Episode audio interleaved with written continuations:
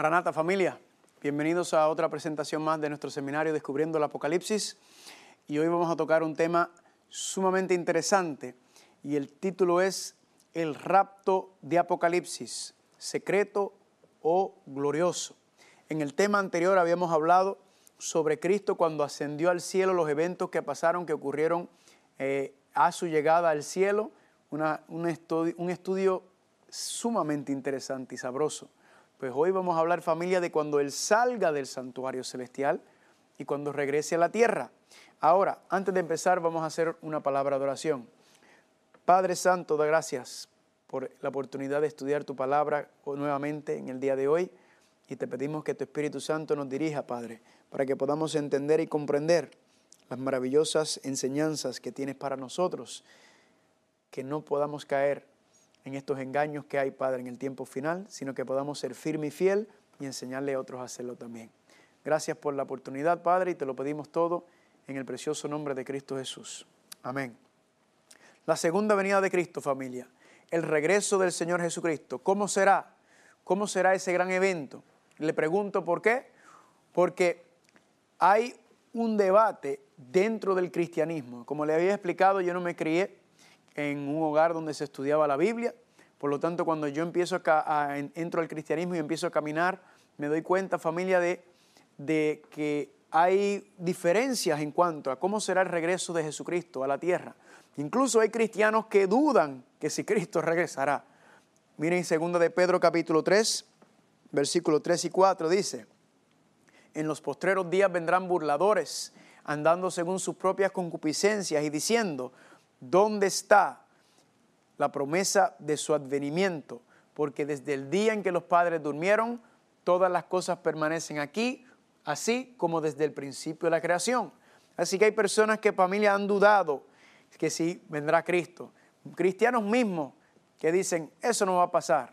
Y sin embargo, familia, el libro de Apocalipsis nos enseña que la venida de Cristo es el evento más esperado, es el clímax de todas las cosas, familia, que han que, culminan con esa llegada, con ese regreso del Señor para terminar con este mundo, como lo conocemos. Ahora, cuando hablamos sobre rapto, encontramos algo muy interesante cuando empecé a estudiar el concepto de rapto. Y es que la palabra rapto no aparece en la Biblia. La palabra rapto, familia, aunque es muy conocido, verdaderamente eh, aparece la palabra arpazo, por donde se utiliza eh, el concepto. El concepto de arpazo es el concepto del arrebatamiento. Ese es lo que se entiende por el rapto, porque como le mencioné, la palabra rapto no aparece. Déjame enseñarle un versículo donde habla, utiliza la palabra arpazo. Dice en 1 de Tesalonicenses capítulo 4, 17. Luego nosotros los que vivimos, los que hayamos quedado, seremos arrebatados juntamente con ellos en las nubes para recibir al Señor en el aire y así estaremos siempre con el Señor. Ahí está el concepto de arrebatado. La palabra arpazo significa ser tomado, ser jalado, ser llevado. Y dice que con las nubes, ¿verdad? Seremos arrebatados para recibir al Señor en las nubes. Ahora, es este concepto, esta, eh, esta diferencia mayormente que existe entre los que creen que el rapto será un evento silencioso, un evento invisible, un evento callado, imperceptible a los sentidos, o será el rapto un evento glorioso? Pues hay algunos que creen que el rapto será un evento glorioso, hay otros que creen que será, el rapto será un evento invisible, calladito, ¿verdad? Como se le llama el ladrón en la noche.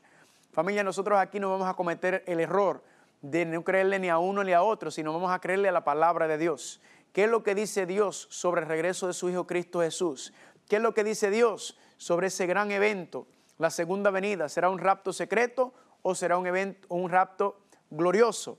Pues familia, eso es lo que vamos a estudiar y como siempre aquí no le damos interpretación propia, sino que aprendimos con Pedro que decía que no hay ninguna interpretación, no hay ninguna profecía que es de interpretación privada. Vamos a dejar que la Biblia nos enseñe cuál es ese concepto. ¿Por qué?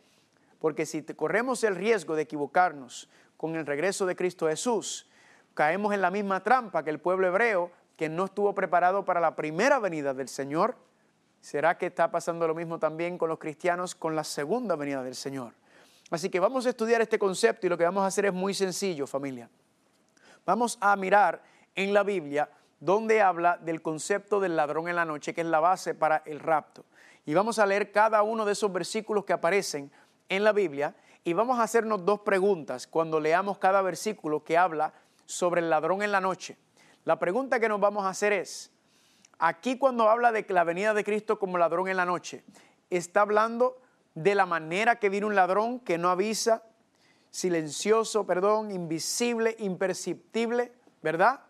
O está hablando del tiempo que viene un ladrón que no avisa. Ese es el contexto correcto, ¿verdad? Repito, primero, en la manera que viene un ladrón invisible, calladito, silencioso, imperceptible. O está hablando del tiempo que viene un ladrón que no avisa, que no se sabe cuándo vino, porque un buen ladrón, usted no lo siente, usted no lo ve, simplemente viene y cuando usted se da cuenta sus cosas se fueron. Esa es la manera que viene un ladrón cuando habla de el ladrón en la noche o es en el tiempo que viene un ladrón que no avisa. Bueno, vamos a empezar nuestro estudio en Mateo capítulo 24. Vayan conmigo por favor a Mateo capítulo 24. Recuerden familia, Dios no es un Dios de confusión, Dios es un Dios de orden. Y este asunto de la venida de Cristo, familia, esto no es cualquier relajo, esto no es cualquier cosa, familia. Tenemos que ver si estamos verdaderamente entendiendo la palabra de Dios y para eso vamos a hacer un estudio en esta noche. Dice aquí en Mateo capítulo 24, Mateo capítulo 24 y vamos a comenzar en el versículo número 35. Dice, el cielo y la tierra pasarán, pero mis palabras no pasarán. Pero del día y la hora nadie sabe, ni aun los ángeles de los cielos, sino solamente mi Padre. Aquí Cristo nos dice que el cielo y la tierra, como ya hemos, hemos hablado, ¿verdad? El cielo y la tierra pasarán, Dios va a hacer un cielo nuevo y una tierra nueva. Pero dice que el día y la hora nadie lo sabe, ni aun los ángeles que están en los cielos, sino solamente mi Padre. Incluso cuando Cristo estuvo aquí en la tierra, Él tampoco sabía cuándo era que iba a llegar el fin. Pero Él sí dice, más como en los días de Noé, así será la venida del Hijo del Hombre. Porque como en los días antes del diluvio, estaban comiendo y bebiendo, casándose y dándose en casamiento, hasta el día en que Noé entró en el arca. Entonces, ¿Cristo qué está haciendo? está haciendo una comparación entre, ¿qué cosa? Entre el fin de este mundo, entre el cielo y la tierra pasando, entre su venida, ¿verdad? Su regreso a la tierra, ¿con qué cosa? Con los días de Noé. Más como en los días de Noé, así será también la venida del Hijo del Hombre. Quiere decir que para entender correctamente cómo es que el Cristo va a regresar a la tierra, hay que ir a dónde? Hay que ir al diluvio y lo vamos a hacer ya mismito. Sigan diciendo. Porque como los días antes del diluvio, ¿qué estaban haciendo? Comiendo y bebiendo, casándose y dándose en casamiento. Aquí dice familia que el pueblo de Dios estaba comiendo y bebiendo. Ahora, ese comiendo y bebiendo es un concepto, ¿verdad?, que le aplicamos la glotonería y todas esas cosas, y sí, se aplica. Y a veces le aplicamos esto a comiendo y bebiendo y casándose y dándose en casamiento a la gente que está fuera de la iglesia y el mundo, pero no. Esto que está hablando Cristo Jesús le está hablando a la iglesia, le está hablando directamente a nosotros. ¿Por qué? Porque Dios no le habla al mundano, al que no cree en Él. Dios nos habla a nosotros y por medio de nuestro testimonio es que entonces llevamos el Evangelio a las personas. Ahora quiero que noten que ese comiendo y bebiendo, casándose y dándose en casamiento, más adelante vamos a tener un tema sobre cada uno. ¿Por qué? Porque si yo estoy en el pueblo de Dios, si yo soy cristiano y yo me encuentro comiendo y bebiendo y casándome y dándome en casamiento, entonces tenemos un problema. Claro, hay una enseñanza espiritual más profunda que es simplemente el concepto como lo entendemos básicamente y eso lo estudiaremos más adelante para que no caigamos tampoco en ese engaño. Y noten que dice el 39. Y no entendieron. Pregunta, ¿quién no entendió? Pues obviamente los que estaban comiendo y bebiendo, casándose y dándose en casamiento, no entendieron. ¿Qué no entendieron? No entendieron la predicación de Noé. No escucharon la predicación de Noé. Noé les estaba predicando que iba a venir destrucción, que Dios iba a traer un juicio, que se iba a acabar, pero ellos no escucharon, no entendieron. ¿Por qué no lo entendieron? Porque estaban comiendo y bebiendo, casándose y dándose en casamiento. Y noten que dice que no entendieron hasta que vino el diluvio. En otras palabras, ellos no entendieron hasta que empezó a llover. Pero cuando empezó a llover, pregunta, ¿entendieron? Sí, claro que entendieron, pero ¿qué pasó? Ya era muy tarde. Y dice, y no entendieron hasta que vino el diluvio y se los llevó a todos así será también la venida del Hijo del Hombre. Noten que dice familia que el diluvio se los llevó a todos. Si vemos en Mateo capítulo 24, 39, dice que vino el diluvio y se los llevó a todos. Y miren lo que dice Lucas 17, 27, eh, un versículo paralelo, que vino el diluvio y los destruyó a todos. En otras palabras, ¿a quién se llevó el diluvio, familia?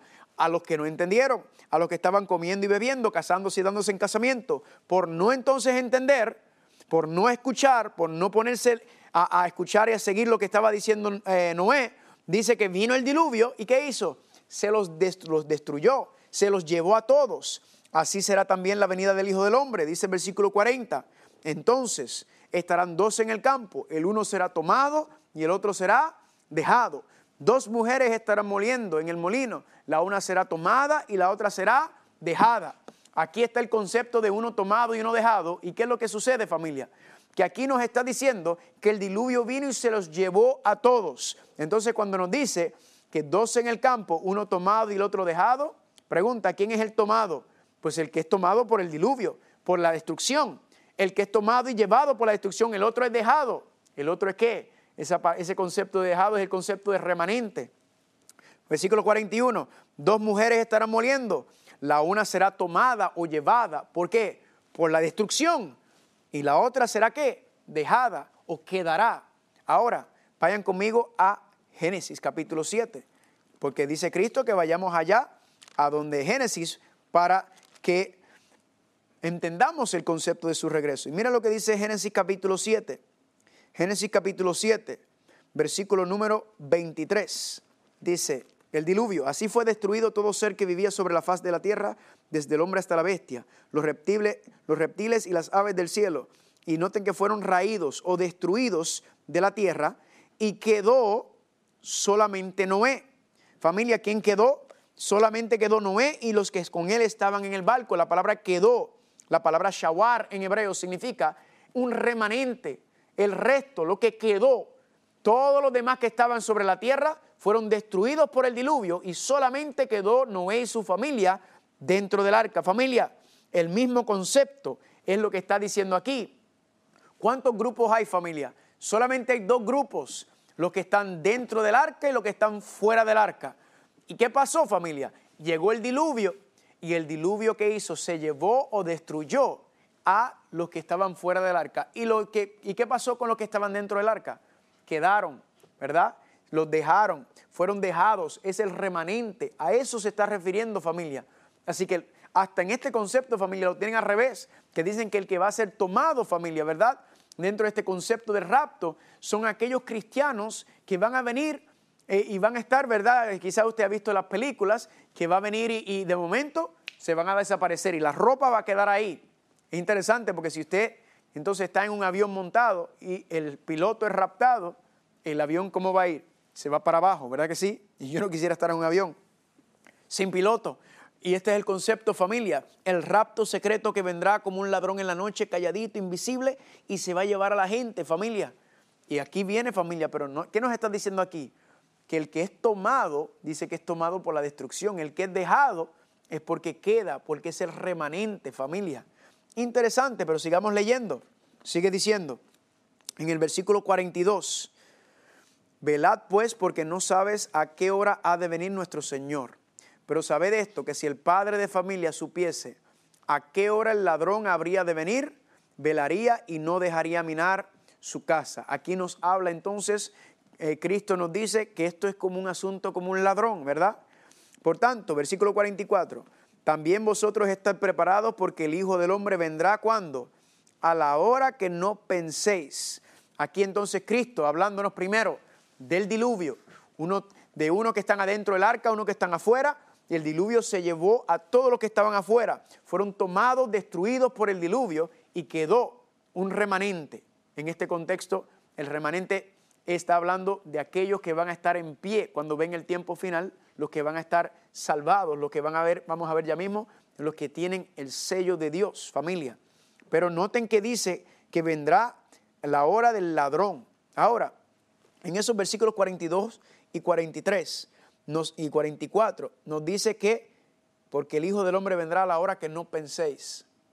Ahora, cuando nos habla en algún contexto de esto, vamos a aplicar las dos preguntas que habíamos dicho. ¿Será que viene como ladrón eh, que no avisa, invisible, calladito? ¿O será como el ladrón que no anuncia a qué hora viene, ¿verdad? Sin el aviso. ¿Cuál de las dos, cuando analizamos estos versículos, está hablando Cristo? Vamos a hacer la primera pregunta. ¿Tiene el contexto que ver con la manera que viene un ladrón? Invisible, callado, silencioso. Pues de ninguna manera, porque el diluvio no fue nada callado ni invisible, ¿verdad que no? Fue un evento que se sintió y sacudió la tierra. O está hablando de la hora, el tiempo que viene un ladrón, que el ladrón no avisa, que llega de repente y usted no se da cuenta. Pues familia, yo entiendo que ese es el contexto que nos está diciendo. Aquí no me está hablando, no veo ningún ejemplo de algo invisible, silencioso, callado. Pero esto solamente es un versículo. Vayan conmigo a Lucas capítulo 12. Quiero ir a Lucas capítulo 12. Quiero que notemos también en lo que acabamos de leer que solamente hay dos grupos, los salvados y los perdidos. Esos son los dos grupos, los que estaban dentro del arca y los que estaban afuera. No hay tres grupos, no va a haber un tercer concepto, ¿verdad? Dice Lucas capítulo 12 y vamos a ir al versículo 36. 35. Dice, estén ceñidos vuestros lomos y vuestras lámparas encendidas, y sed vosotros a hombres que aguardan a que, su, a que su Señor regrese de las bodas, para que cuando llegue y llame, le abran enseguida. Esto no está hablando, ¿verdad?, sobre la, la parábola de las bodas, ¿verdad? De la, perdón, la parábola de las vírgenes, de las diez vírgenes. ¿Habían cuántas vírgenes? Diez vírgenes. ¿Cuántos grupos? Dos grupos, cinco vírgenes insensatas y cinco vírgenes prudentes. Nuevamente, dos grupos.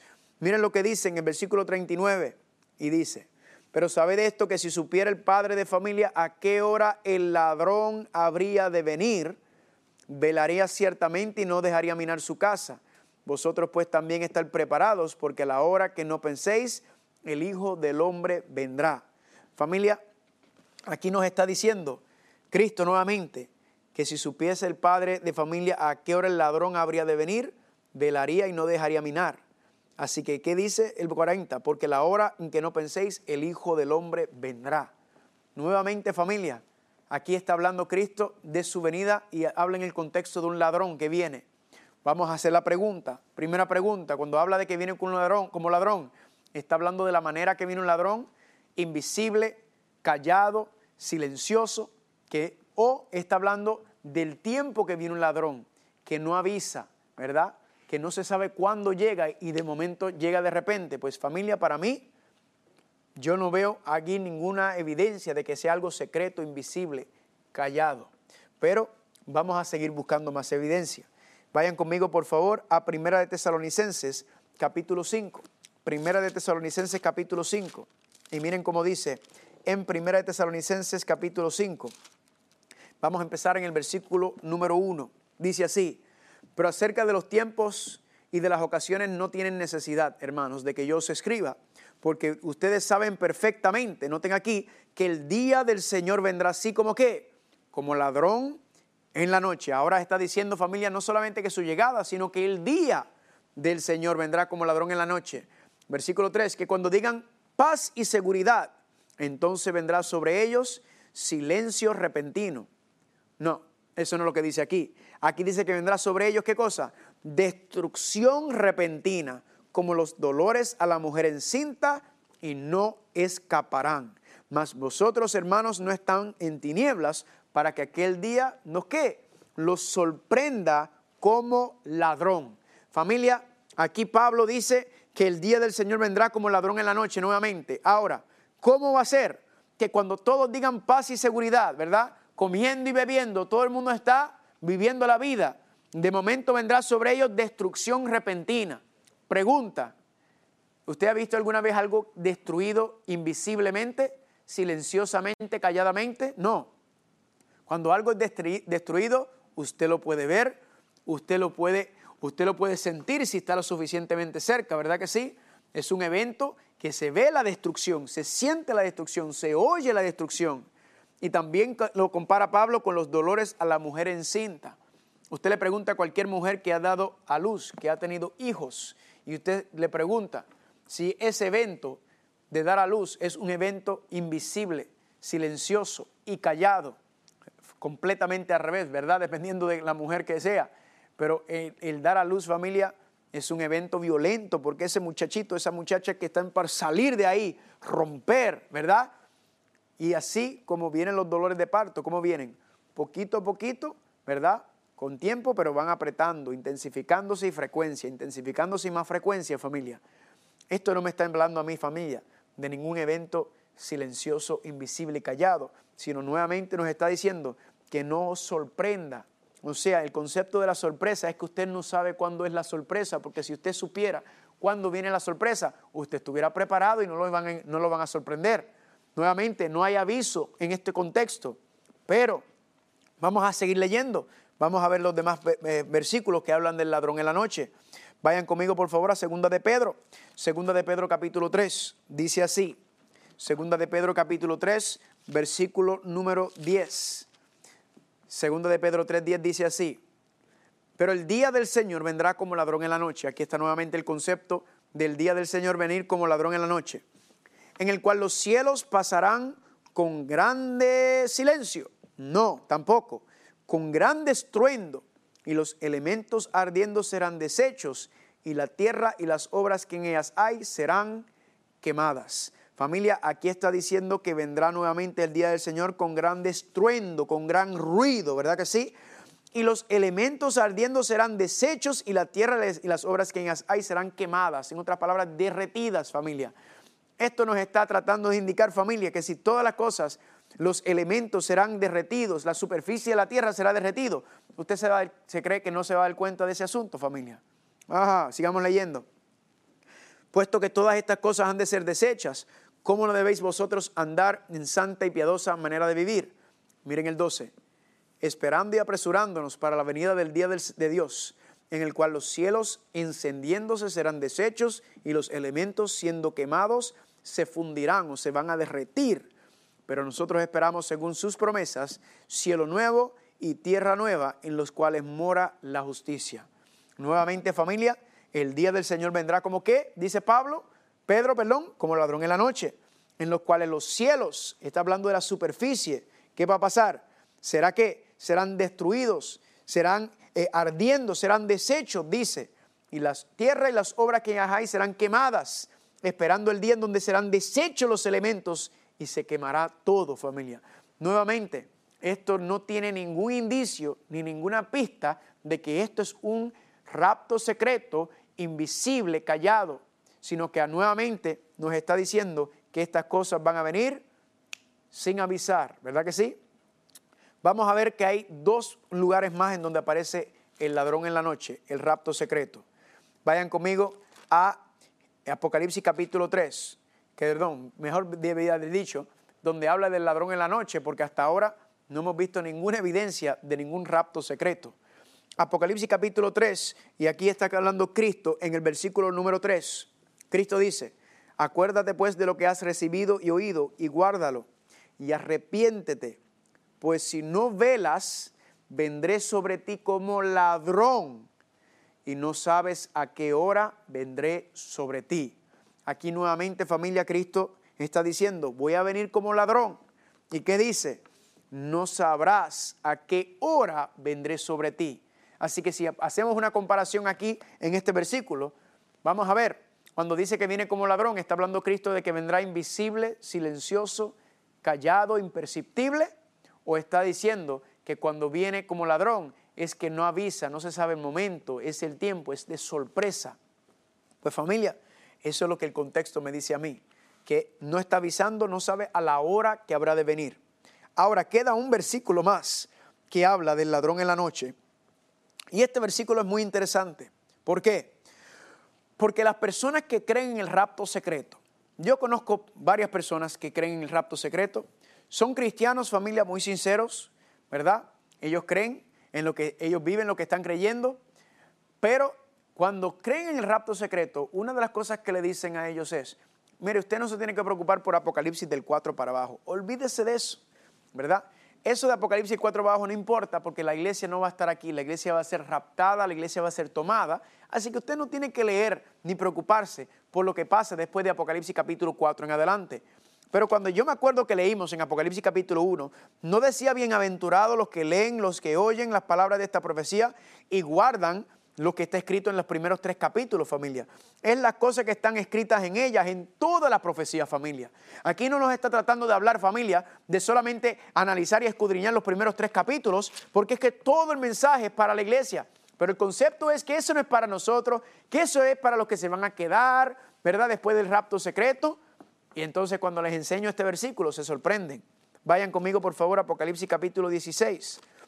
Apocalipsis capítulo 16 versículo número 15. Aquí está Cristo y noten algo. Cristo está hablando entre medio de la sexta y la séptima plaga, las siete plagas de Apocalipsis 16. Cristo está hablando entre medio de la sexta y la séptima. Y mira lo que dice en el versículo 15. He aquí que yo vengo como ladrón. Bienaventurado el que vela y guarda sus ropas para que no ande desnudo y vean su vergüenza. ¿Qué dice Cristo entre la sexta y la séptima plaga de Apocalipsis 16? Que yo vengo que como ladrón, bienaventurado el que vela. Familia, si Cristo está diciendo que viene como ladrón entre el sexto y la séptima plaga, significa que que aún no ha llegado, aún no ha venido, familia. Y esto sorprende a la gente que creen en el rapto secreto porque ah, se les pasa, ¿por qué? Porque es que no leen Apocalipsis del 4 en adelante, lo ignoran, no creen que es para nosotros, familia. Y este es el concepto. Y tengo que decirle más, familia. Este concepto del rapto secreto, familia, es muy preocupante. Es muy, muy difícil de, de ver a las personas que creen en eso. ¿Por qué? Porque yo he hablado con personas que creen en el rapto secreto y ¿sabe lo que me dicen? Mira, cuando se lleven a mi esposa cuando yo vea eh, que, el rapto, que la ropa quedó ahí, que no aparece por ningún lado y, yo vea las cosas que están pasando. Ah, pues ya yo sé entonces que pasó el rapto secreto. Y entonces dicen que cuando pase eso, ahora yo sé que me quedan siete años porque Cristo va a regresar otra vez, lo que ellos le llaman la tercera venida. Él va a venir por tercera vez y ahí entonces sí que, se, que voy a estar bien. Familia, aquí no hay dos paradas de bus, aquí no hay dos vuelos, aquí es un solo tren, un solo vuelo, una sola parada, familia. Esto, familia, este concepto del rapto secreto, hasta ahora hemos visto, familia, no he visto ninguna evidencia que confirme este asunto del rapto secreto, familia, que, consiste, que, que, que confirme que la venida de Cristo Jesús, su segunda venida será invisible, será secreto. Familia, miren lo que dice Lucas capítulo 21, versículo 33 al 36. Dice, el cielo y la tierra pasarán, mas mis palabras no pasarán. Mirad por vosotros mismos que vuestros corazones no sean cargados de qué? De glotonería y embriaguez y de los afanes de, esta vida. Noten que esto es paralelo a Mateo capítulo 24, donde estamos leyendo. Y dice, y, y venga de repente sobre nosotros aquel día, porque como un lazo vendrá sobre cuántos? Sobre todos los que habitan sobre la faz de la tierra. Aquí dice que todas personas vendrá esto. Y miren lo que dice, velad pues orando en todo tiempo, que seáis tenidos por digno de escapar de todas estas cosas que han de venir y de estar en pie delante de quién? Delante del Hijo del Hombre. Familia, aquí está hablando el mismo concepto que nos habló en Mateo capítulo 24 cuando hablaba del diluvio. Y así como el diluvio cayó sobre todos los habitantes de la tierra y hubo un remanente, hubo un grupo que quedó, que fueron dejados en el arca, que fueron Noé y su familia. Nos está diciendo entonces que en el tiempo final será igualito. Vendrá sobre todas en la tierra familia. Y de repente vendrá este evento familia. Pero noten que decía que, que quedará estar en pie delante del Hijo del Hombre. ¿Qué significa esa frase de estar en pie delante del Hijo del Hombre? Yo quiero que me acompañen por favor Apocalipsis capítulo 6. Aquí lo explica perfectamente. En el capítulo 6 de Apocalipsis, en el versículo 12 en adelante está hablando del sexto sello. Y miren lo que dice el versículo número 14. El cielo y el cielo se desvaneció como un pergamino que se enrolla, y todo monte y toda isla se removió de su lugar. Pregunta, ¿usted cree que si los montes y la isla se remuevan de su lugar, usted se va a dar de cuenta? Claro que se va a dar cuenta, familia. Y los reyes de la tierra, los grandes, los ricos, los capitanes, los poderosos, y todo siervo y todo libre, se escondieron en las cuevas y entre las peñas de los montes. Y decían a los montes y a las peñas, caed sobre nosotros y escondernos del rostro de aquel que está sentado sobre el trono y de la ira del cordero. ¿Por qué están escondiéndose? ¿Por qué están huyendo, familia? Porque viene el cordero. Miren el versículo 17. Porque el gran día de su ira ha llegado ¿Y quién podrá sostenerse en pie? Es la misma frase que leímos en Lucas capítulo 21, donde decía, ¿quién podrá estar en pie delante del Hijo del Hombre? Aquí nos dice familia, ¿quién podrá estar en pie cuando Cristo regrese, cuando Cristo venga? ¿Y sabe cuál es la contestación a esa pregunta? La contestación a esa pregunta se encuentra en Apocalipsis capítulo 7, los 144 mil, los que van a recibir el sello de Dios. Dice aquí, ¿quién podrá estar en pie? ¿Quiénes van a sobrevivir al regreso de Cristo, donde las islas, las montañas serán removidas, se va a deshacer la tierra, cuando se estarán cayendo familia? Todas estas cosas, todo este asunto, lo que estamos hablando, ¿Quién va a poder sobrevivir? ¿Quién va a estar en pie? Pues los perdidos van a querer morir, no van a querer ver el rostro a Cristo. Pero los que van a poder sostenerse en pie, los que van a sobrevivir y estar vivos cuando Cristo venga, familia, ¿son quiénes? Los que tienen el sello de Dios, los que han sido sellados con Dios, por Dios, los que están, familia, el remanente, ese grupo que va a quedar, que va a sobrevivir a todos los eventos y Cristo vendrá a buscarlos. Gloria a Dios por eso. Ahora, mira cómo le dice Nahum capítulo 1, versículos 5 y 6. Los montes tiemblan delante de él, los collados se derriten la tierra se conmueve a su presencia y el mundo y todos los que en él habitan. ¿Quién permanecerá delante de su ira? ¿Quién quedará, quién quedará en pie en el ardor de su enojo? Familia, lo mismo que está diciendo Naón, familia, es exactamente lo que estaba pasando cuando decía, ¿quién podrá estar en pie? ¿Quién va a poder sobrevivir, familia? ¿Quién va a sobrevivir a todo esto, familia? Pues son los que quedaron, los que están protegidos dentro del arca, ¿verdad?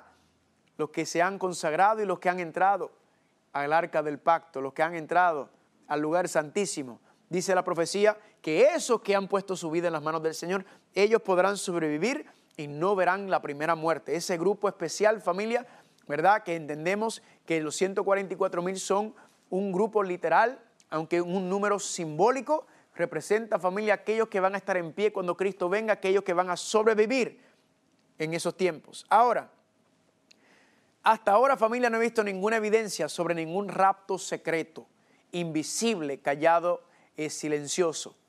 Y me preocupa esto familia, me preocupa porque la mayoría de los cristianos creen en el rapto secreto. Esto está arrasando con el cristianismo. Y vamos a ver familia que más adelante, cuando menciona en la profecía de Daniel capítulo 7, 25, dice que el cuerno pequeño pensará en cambiar los tiempos y la ley. El problema que tenemos aquí familia es que ese cuerno pequeño que vamos a ver más adelante, el anticristo, el sistema, está no solamente tratando de cambiar la santa ley de Dios, sino también está haciendo qué? Está jugando con los tiempos proféticos. Y este asunto de los, este asunto de los siete años, ¿verdad? Que dicen que van a esperar y que van a venir tres años y medio de paz y tres años y medio de guerra es una distorsión de la profecía de las 70 semanas que habíamos estudiado, donde la última semana, ¿verdad? Los últimos siete años se toman y se envían al futuro. Pero es que no hay ninguna evidencia, ninguna profecía de tiempo en la Biblia que se corta, que se pausa, que se interrumpe y que se envía el tiempo profético al futuro, familia. Eso es parte del cumplimiento de que el cuerno pequeño, el anticristo, pensará en cambiar los tiempos de Dios. Y cuando vemos entonces, entonces, cómo es que surge este, esta creencia, este concepto del rapto secreto y ladrón en la noche, familia, pues mira interesantemente que comenzó, vamos a ver, allá con el sistema de la bestia, pero también familia, comenzó todo con una serie de novelas llamado Left Behind, dejado atrás, que, se, que salió en los años 80, 1980, en donde este libro, familia, procuraba, era de hecho una novela, ¿verdad? Era una serie, una novela que hablaba sobre los eventos finales de la tierra y el concepto del rapto secreto fue, eh, eh, fue traído nuevamente a colación y ahí fue familia cuando eh, los cristianos agarraron ese concepto y empezó a crecer y crecer y crecer y crecer, tanto que hoy en día la mayoría de los cristianos creen en este concepto del rapto secreto. Les quiero compartir un versículo que a mi entender habla claramente de que el rapto secreto no existe. ¿verdad? A pesar de todo lo que hemos visto, que no veo ninguna evidencia, miren otra evidencia en Hebreos capítulo 9, versículo 20, Hebreos 9, 28. Miren cómo dice, así también Cristo fue ofrecido una sola vez para llevar los pecados de muchos. Esa fue la primera vez que vino. Y aparecerá como por segunda vez, sin relación con el pecado, para salvación de los que qué, de los que le están esperando. Familia, aquí dice que aparecerá por segunda vez. ¿Cuál es la clave? Aparecerá. El concepto es que si aparece, es que se ve, porque no hay ninguna aparición invisible. Si es invisible, entonces no es una aparición. Si dice que aparecerá por segunda vez, es que lo veremos, y eso mismo es lo que dice Apocalipsis 1.7, cuando dice, todo ojo le verá. Ahora familia, yo quiero compartir con ustedes lo que es la verdad sobre el regreso de Cristo Jesús, la verdad sobre la venida del Señor Jesucristo, no en un rapto secreto, sino vamos a ver que es un rapto glorioso, familia. Es un evento glorioso que será y marcará la historia del universo como nunca ha sido marcado. Vamos a ver, familia, que la segunda venida de Cristo será un evento literal, será un evento personal, será un evento visible, será un evento audible, será cuando los muertos en Cristo resuciten, será un evento glorioso y será un evento decisivo, culminante, y para algunos va a ser un evento aterrador, como, como nos estaba diciendo Apocalipsis capítulo 6. Vamos a empezar entonces con el que la venida de Cristo será un evento literal y será un evento personal. Vayan conmigo, por favor, a Lucas capítulo 13, perdón, Juan capítulo 14, Juan capítulo 14. Juan capítulo 14, unos versículos muy conocidos por nosotros. Vamos a leerlo, lo vamos a estar leyendo varias veces durante este seminario porque verdaderamente es que nos ayuda a tener el contexto en muchas cosas. Dice Juan 14, versículo, primero miren el 36. Le preguntó Simón Pedro, Señor, ¿a dónde vas? Jesús le respondió, a donde yo voy no me puedes seguir. Ahora más, ¿me seguirás qué? Después. Ahora dice el versículo 1 del capítulo 14, no se turbe vuestro corazón. Creéis en Dios, creed también en mí. En la casa de mi Padre muchas moradas hay. Si así no fuere, yo no lo hubiera dicho. Voy pues a qué? A preparar lugar para ustedes. Cristo que le dijo, yo me voy a ir y voy a ir a preparar lugar para ustedes. Versículo 3. Y si me fuere y preparar el lugar, vendré otra vez y os tomaré a mí mismo para que donde yo estoy, ustedes también estén. Noten que Cristo no le dijo, bueno, yo me voy a ir, ¿verdad? Me voy a ir a preparar lugar para ustedes. Se, fue, se iba a ir para el cielo. Y no le dijo, usted no se preocupe, que cuando ustedes se mueran, ustedes van a ir para allá. No, Cristo no dice que cuando uno se muere se va a ir para allá. Él dice que yo voy a regresar y me los voy a tomar a ustedes y me los voy a llevar para ese lugar. Amén.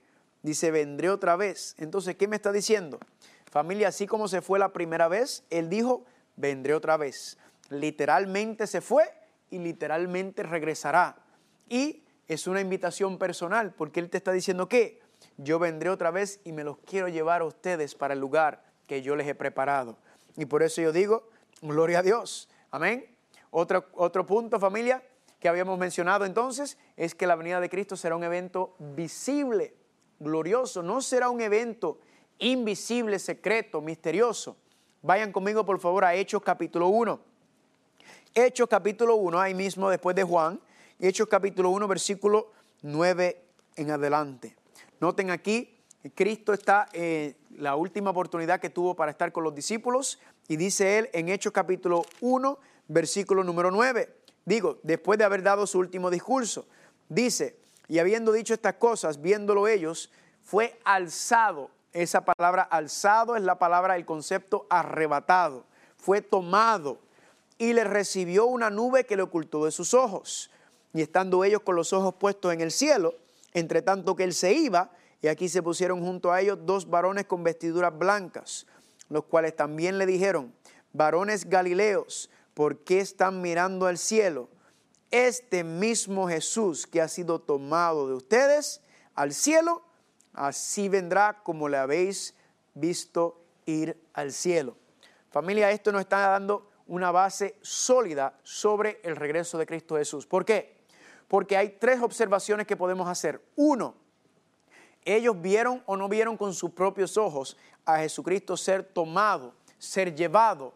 Sí, ¿Y qué dijo los ángeles?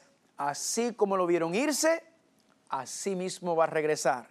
Así que como lo vieron con sus propios ojos irse, así lo veremos venir. El otro punto, familia, es que Cristo no se fue en ningún cuerpo eh, como un fantasma, un espíritu, ¿verdad? Sino que familia, Cristo cuando resucitó tenía un cuerpo. Era un cuerpo, no era el mismo cuerpo con el que ascendió a la tumba, ¿verdad? Pero tenía un cuerpo nuevo, familia.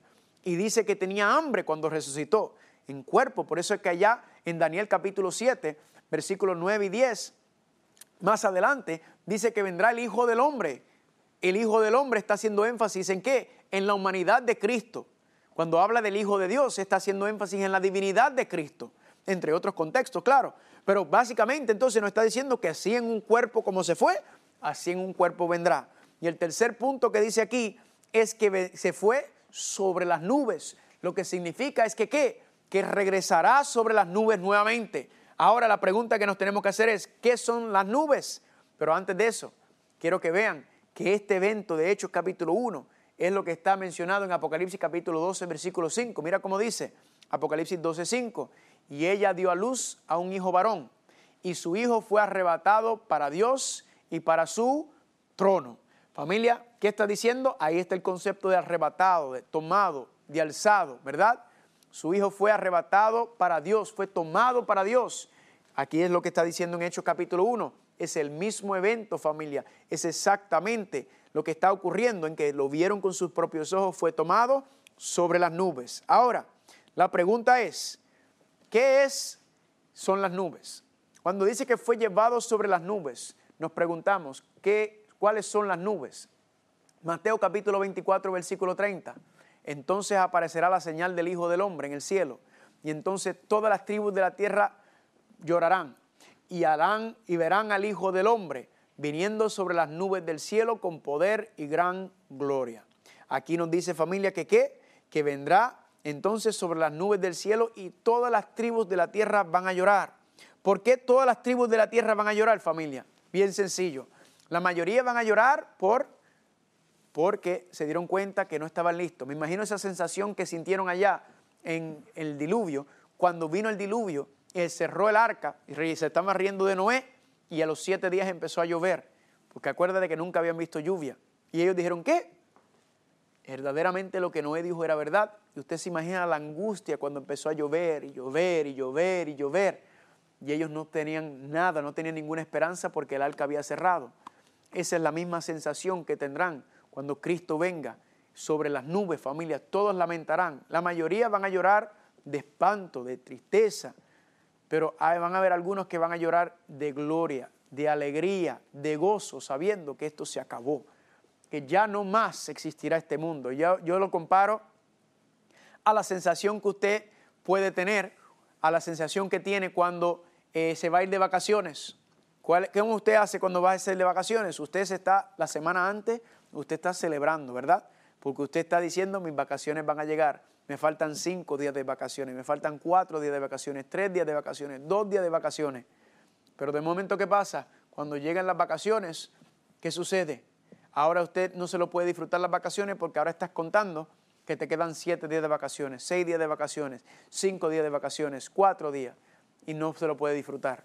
Familia, cuando venga este momento, esto va a ser una cosa sabrosísima, porque usted va a decir, han llegado mis vacaciones eternas, se acabó, se terminó este asunto y usted se lo está disfrutando, se lo está gozando y se lo está deleitando, familia, gloria a Dios.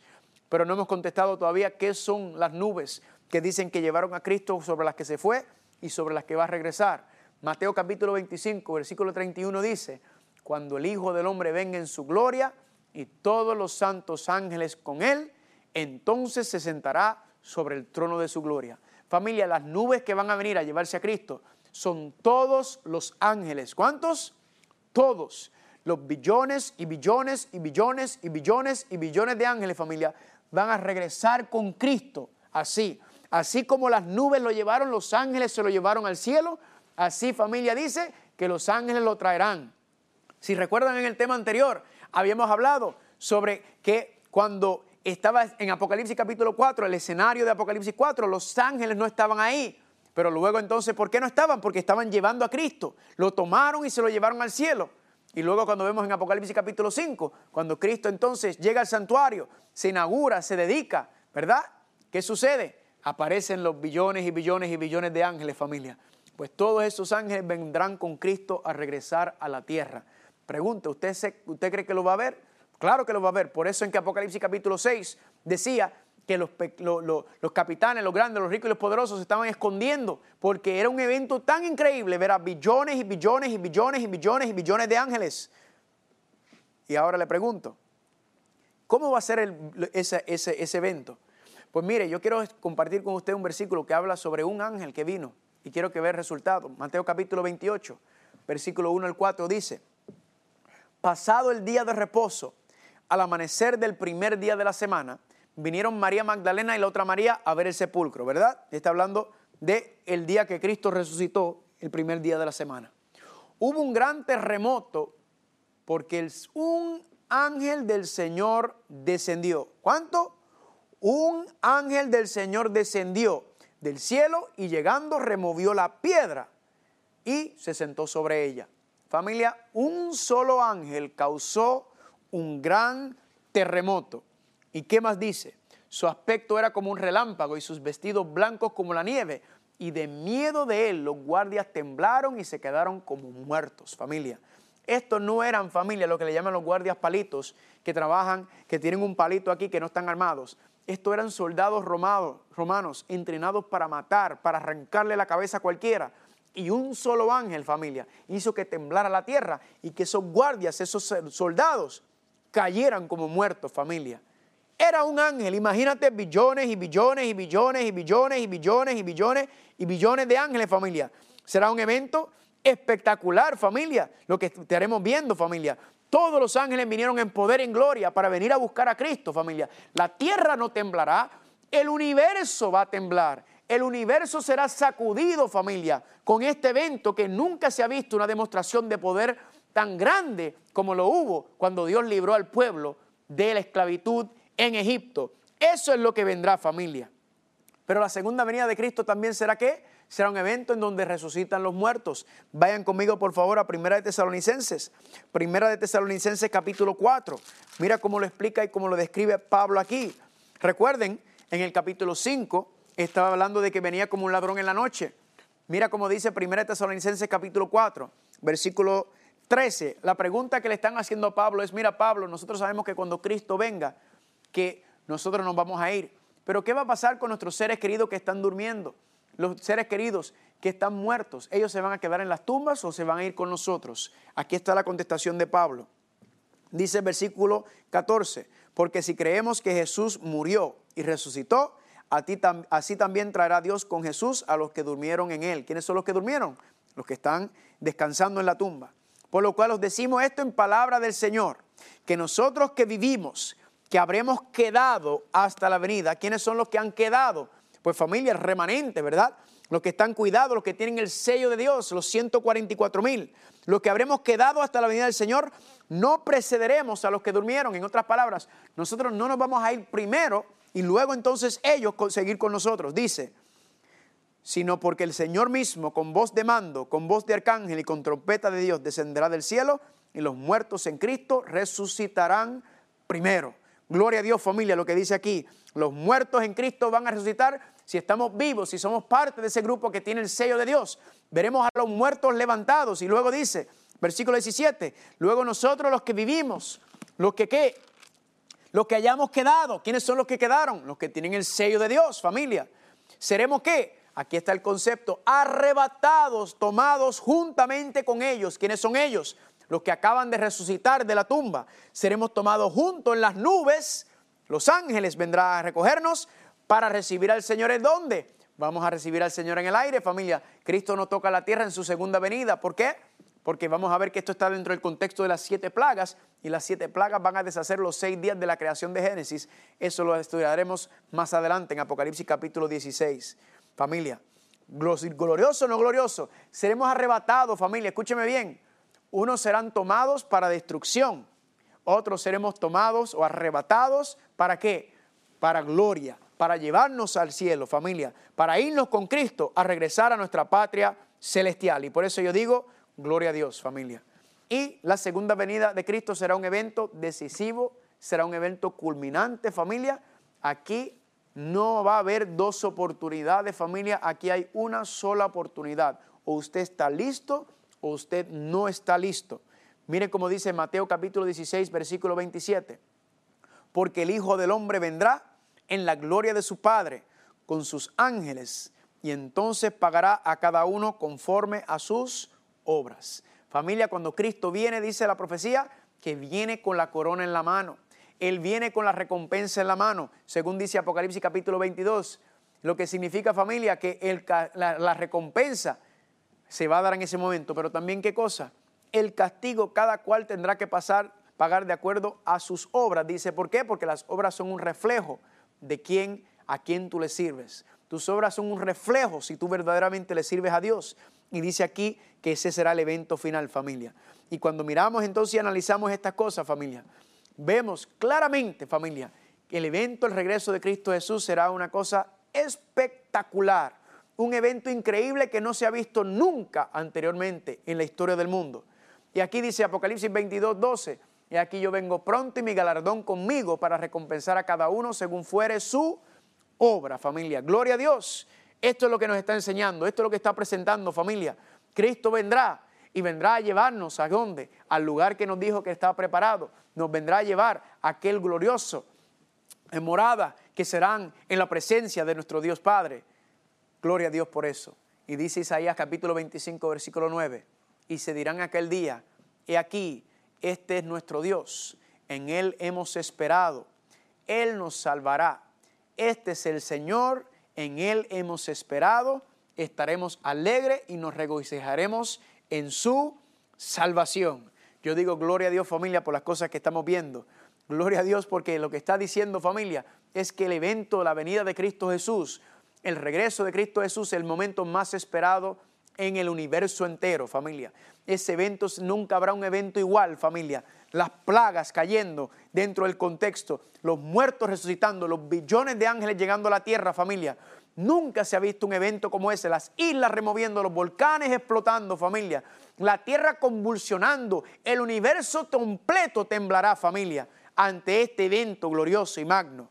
Y la pregunta que nos tenemos que hacer entonces es, ¿qué es lo que está esperando Cristo para regresar? Pues les voy a decir algo. Cristo está esperando dos cosas para regresar a la tierra y terminar con este mundo. ¿Y cuáles son esas dos? Primero, segunda de Pedro capítulo 3 versículo 9 dice así, el Señor no retarda su promesa, según algunos la tienen por tardanza, sino que es que es paciente para con todos nosotros, no queriendo que ninguno perezca o se pierda, sino que todos procedan al arrepentimiento. ¿Qué está esperando Cristo, familia? Está esperando por ti. Cristo está esperando, aguantando hasta el último momento para darte la oportunidad a ti de que tú le des la oportunidad a Él. Él está aguantando hasta el último momento que pueda para que tú puedas tomar la decisión. Yo le doy gracias a Dios que Él esperó hasta ahora, porque si mire, hace 10 años atrás hubiera terminado, yo no estuviera aquí hablando con ustedes, me hubiera perdido. El hecho de que Él está aguantando y esperando, familia, te dice que necesitas tomar tu decisión, necesitas dar el paso ya. ¿Qué más tiene que hacer Cristo para mostrarte cuánto te ama? Aquí estamos viendo, familia, su función como redentor, como, como, como sacerdote, vamos a ver más adelante, y como libertador también, las tres fases del ministerio de Cristo. Cordero, ¿verdad? Como redentor cordero, como sacerdote, intercesor, familia, abogado, y como libertador, como rey, como el gran campeón que va a venir, familia. Ahora, hay otra cosa que Él está esperando por venir. Primero está esperando por aquellos que no han tomado su decisión. Pero también hay otra razón. Mateo capítulo 24, versículo 14 dice, y será predicado este evangelio de reino en todo el mundo por testimonio a quién? A todas las naciones y entonces vendrá el fin. Familia, Cristo está esperando que qué? Que el evangelio sea predicado a todo el mundo por testimonio para que entonces venga el fin. Significa que hay un evangelio que nosotros tenemos que predicar al mundo entero para que entonces pueda venir el fin. Yo no sé ustedes, pero yo quiero que Cristo venga ya. Yo quiero que este mundo se acabe, pero todavía hay personas que no conocen el mensaje. Y dice que hay que llevar el mensaje, el Evangelio al mundo entero. La pregunta es, ¿cuál es el Evangelio que tenemos que llevar al mundo entero? ¿Cuál es el Evangelio final que escucharán todas las naciones antes del regreso de Cristo. Apocalipsis capítulo 14. Vayan conmigo, por favor, que quiero leerlo contigo porque es lo que estaremos estudiando y leyendo durante las próximas presentaciones. El evangelio final que será predicado, Apocalipsis capítulo 14, versículo 6, dice así, vi volar por el medio del cielo otro ángel que tenía el evangelio eterno para predicarlo a los moradores de la tierra, a toda nación, tribu, lengua y pueblo. Aquí nos dice familia, el evangelio eterno este es el Evangelio que será llevado a quién? A toda nación, tribu, lengua y pueblo, diciendo a gran voz, teme a Dios y darle gloria, porque la hora de su juicio ha llegado, y adorad a aquel que hizo el cielo, la tierra, el mar y la fuente de las aguas. Y otro ángel le siguió diciendo, ha caído, ha caído Babilonia, la gran ciudad, porque ha hecho beber a todas las naciones del vino del furor de su fornicación. Y el tercer ángel lo siguió diciendo a gran voz, si alguno adora a la bestia y su imagen, y recibe la marca en su frente o en su mano, él también beberá del vino de la ira de Dios que ha sido vaciado puro en el cáliz de su ira y será atormentado con fuego y azufre delante de los santos ángeles y del Cordero. Familia, este es el Evangelio que será predicado al mundo entero. El Evangelio eterno, familia. El que será para todas las naciones advirtiéndole sobre el concepto de Babilonia, la bestia, la marca de la bestia, la imagen de la bestia, familia. Mañana vamos a continuar porque ya el plan de salvación, el Evangelio eterno, lo empezamos con Cristo Jesús y su muerte en la cruz del Calvario como nuestro Cordero Redentor. Pero vamos a ver que en el plan de salvación está Cristo Jesús, no solamente como Cordero, sino también como intercesor, como sumo sacerdote. Este es el Evangelio eterno, familia, que será predicado a todo el mundo. El Evangelio eterno, familia. Mañana y en los próximos temas más adelante lo estaremos estudiando y lo estaremos analizando, familia. ¿Por qué? Porque Dios quiere prepararnos, familia. Dios quiere que llevemos este mensaje. Familia, no van a haber haraganas en el reino de los cielos. Dios dice claramente en su palabra que vamos a ir a llevar este evangelio, que vamos a llevar la luz. El que conoce a Cristo no puede quedarse callado. El que se enamora de Cristo no puede quedarse con eso, familia. Tiene que compartirlo. Es parte del resultado de la vida cristiana. Es parte de nuestra vida cotidiana con el Señor, de esa relación íntima y diaria que nos salva, que nos lleva a prepararnos familia. Así que, ¿qué aventura nos espera próximamente? Estudiar este Evangelio eterno, llegar y en profundizar más en este tema, porque este es el mensaje final que se ha dado a la tierra. Este es el último llamado, el último mensaje que Dios envía a la tierra, la última amonestación antes de acabar, familia. El Evangelio eterno, el mensaje de los tres ángeles, familia. Y eso lo estaremos desglosando aquí y queremos que usted siga acompañándonos, siga gozando y disfrutando de este estudio, familia. ¿Por qué? Porque Dios quiere que todos estemos preparados. Dios quiere que todos estemos listos para que cuando Cristo venga nos podemos ir con Él.